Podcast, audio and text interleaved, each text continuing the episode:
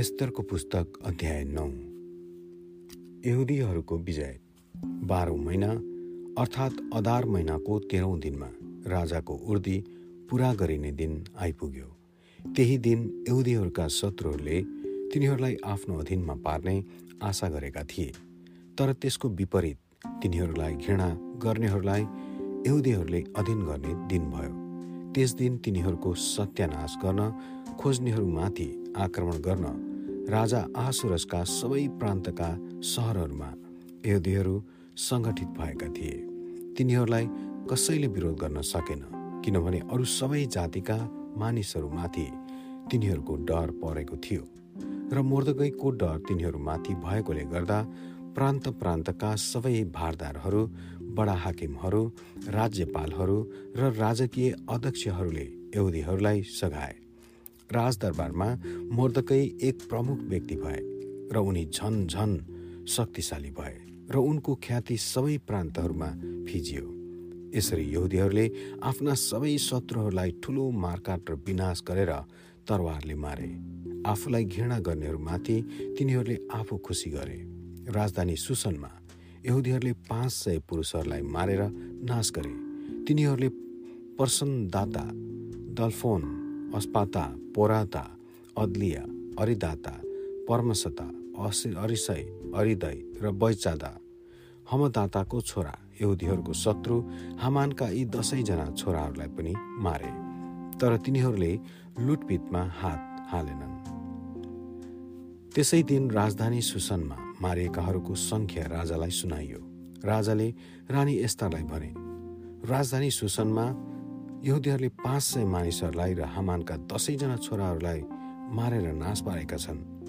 राजाका अरू प्रान्तहरूमा तिनीहरूले के के गरे होलान्? अझ झन् अझ झन् भन तिम्रो अरू बिन्ती के छ?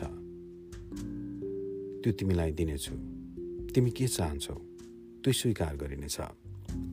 यस्तरले उनलाई जवाब दिन्। महाराजाको इच्छा भए आजको उर्दी अनुसार भोलि पनि यसै गरी सुसनमा यहुदीहरूले गर्न पाउन् भन्ने मन्जुरी दि बक्स्योस् र हमानका ती दसैँजना छोराहरूका लास फाँसीको काठमा झुन्याउन्। तब त्यसो गर्ने राजाले हुकुम दिए।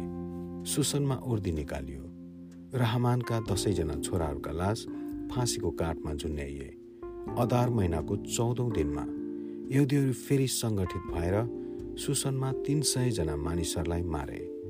तर तिनीहरूकोले लुटपिटमा हात लगाएनन्। यसै बीचमा राजाका प्रान्तहरूका बाँकी यहुदीहरू आफूलाई रक्षा गर्न र आफ्ना शत्रुहरूबाट बचुन् भनी सङ्गठित भएका थिए। तिनीहरूले पचहत्तर हजारजनालाई मारे तर तिनीहरूले लुटपिटमा हात लगाएनन्। यो चाहिँ अदार महिनाको तेह्रौँ दिनमा गरियो अनि चौधौँ दिनमा तिनीहरूले विश्राम लिए। त्यो दिन एक चाड र हर्षको दिन मनाइयो। पुरेमको उत्सव। सुसनका यहुदीहरूले चाहिँ त्यस महिनाको तेह्रौँ र चौधौँ दिनमा सङ्गठित भएर र पन्ध्रौँ दिनमा विश्राम लिए र त्यस दिनलाई चाड र हर्षको दिन ठहराए। यसैले टाढा टाढाका गाउँहरूमा बस्ने यहुदीहरूले अदार महिनाको चौधौँ दिन हर्ष र चाडको दिन मनाउँछन् र त्यस दिन तिनीहरू एकअर्कालाई उपहारहरू पठाउँछन्। मूर्तकैले यी कुरा लिखित रूपमा प्रतिवेदन गरे र राजा आहासुरसका समस्त प्रान्तहरूका टाढा र नजिकका सबै यहुदीहरूलाई उनले यस्तो लेखेर पत्रहरू पठाए कि वर्षेनी अधार महिनाका महिनामा चौधौँ र पन्ध्रौँ दिन आफ्ना शत्रुहरूदेखि विश्राम पाएका समय चाहिँ र तिनीहरूका निम्ति शोकबाट हर्ष र विलापबाट उत्सवमा परिवर्तन भएको महिना चाहिँ मनाउनलाई स्थापित गरे। तिनीहरूले ती दिन चाड र हर्ष एक अर्कालाई खानेकुराको सौगात पठाउने र गरिबहरूलाई उपहार दिने दिन झैँ मनाउनुपर्छ भनी उनले लेखे। यसै कारण मोर्दकैको पत्र अनुसार सुरु गरेको रीति कायम राख्नलाई यहुदीहरू सहमत भए। यो तिनीहरूले यसकारण गरे किनभने सबै यहुदीहरूको शत्रु अगामी हमदाताको छोरा हामानले यहुदीहरूलाई नष्ट पार्ने हेतुले षड्यन्त्र रचेर कुनै एउटा दिनको लागि चिट्टा हालेको थियो। त्यसलाई पुर अर्थात् चिट्टा भनिन्थ्यो। तर जब यो षड्यन्त्र राजा कहाँ जाहेर भयो तब यहुदीहरूका विरुद्धमा हामानले रचेको त्यो खराब योजनालाई त्यसकै शिरमा राख्न र त्यो त्यसका छोराहरूलाई फाँसीको काठमा झुन्ड्याउन राजाले लिखित हुकुम निकाले। त्यसै कारण यी दिनहरूलाई पुरा शब्दअनुसार पुरिम भनिन्थ्यो।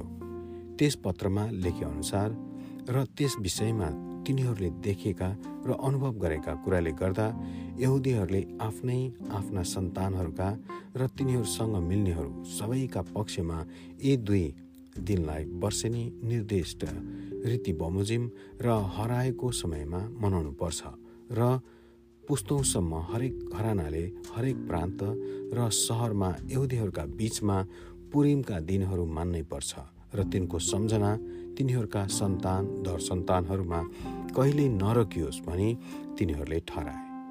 तब अबिहेलकी छोरी रानी एस्तर र यहुदी मुर्दकैले पुरिम विषयमा दोस्रो पत्र पूर्ण अधिकारसहित लेखे।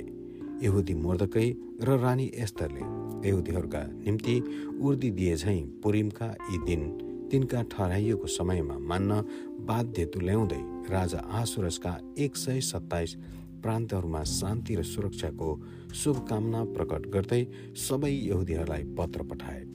त्यसै गरी यहुदीहरूले आफ्नै निम्ति र आफ्ना सन्तानहरूका निम्ति उपवास र विलापका नियमहरू तोकिदिए। पुरिमको निम्ति यी नियमहरू स्तरको उर्दीले पक्का गराइए र ती विवरण लिखित रूपमा पुस्तकमा लेखेर राखिए। आमेन।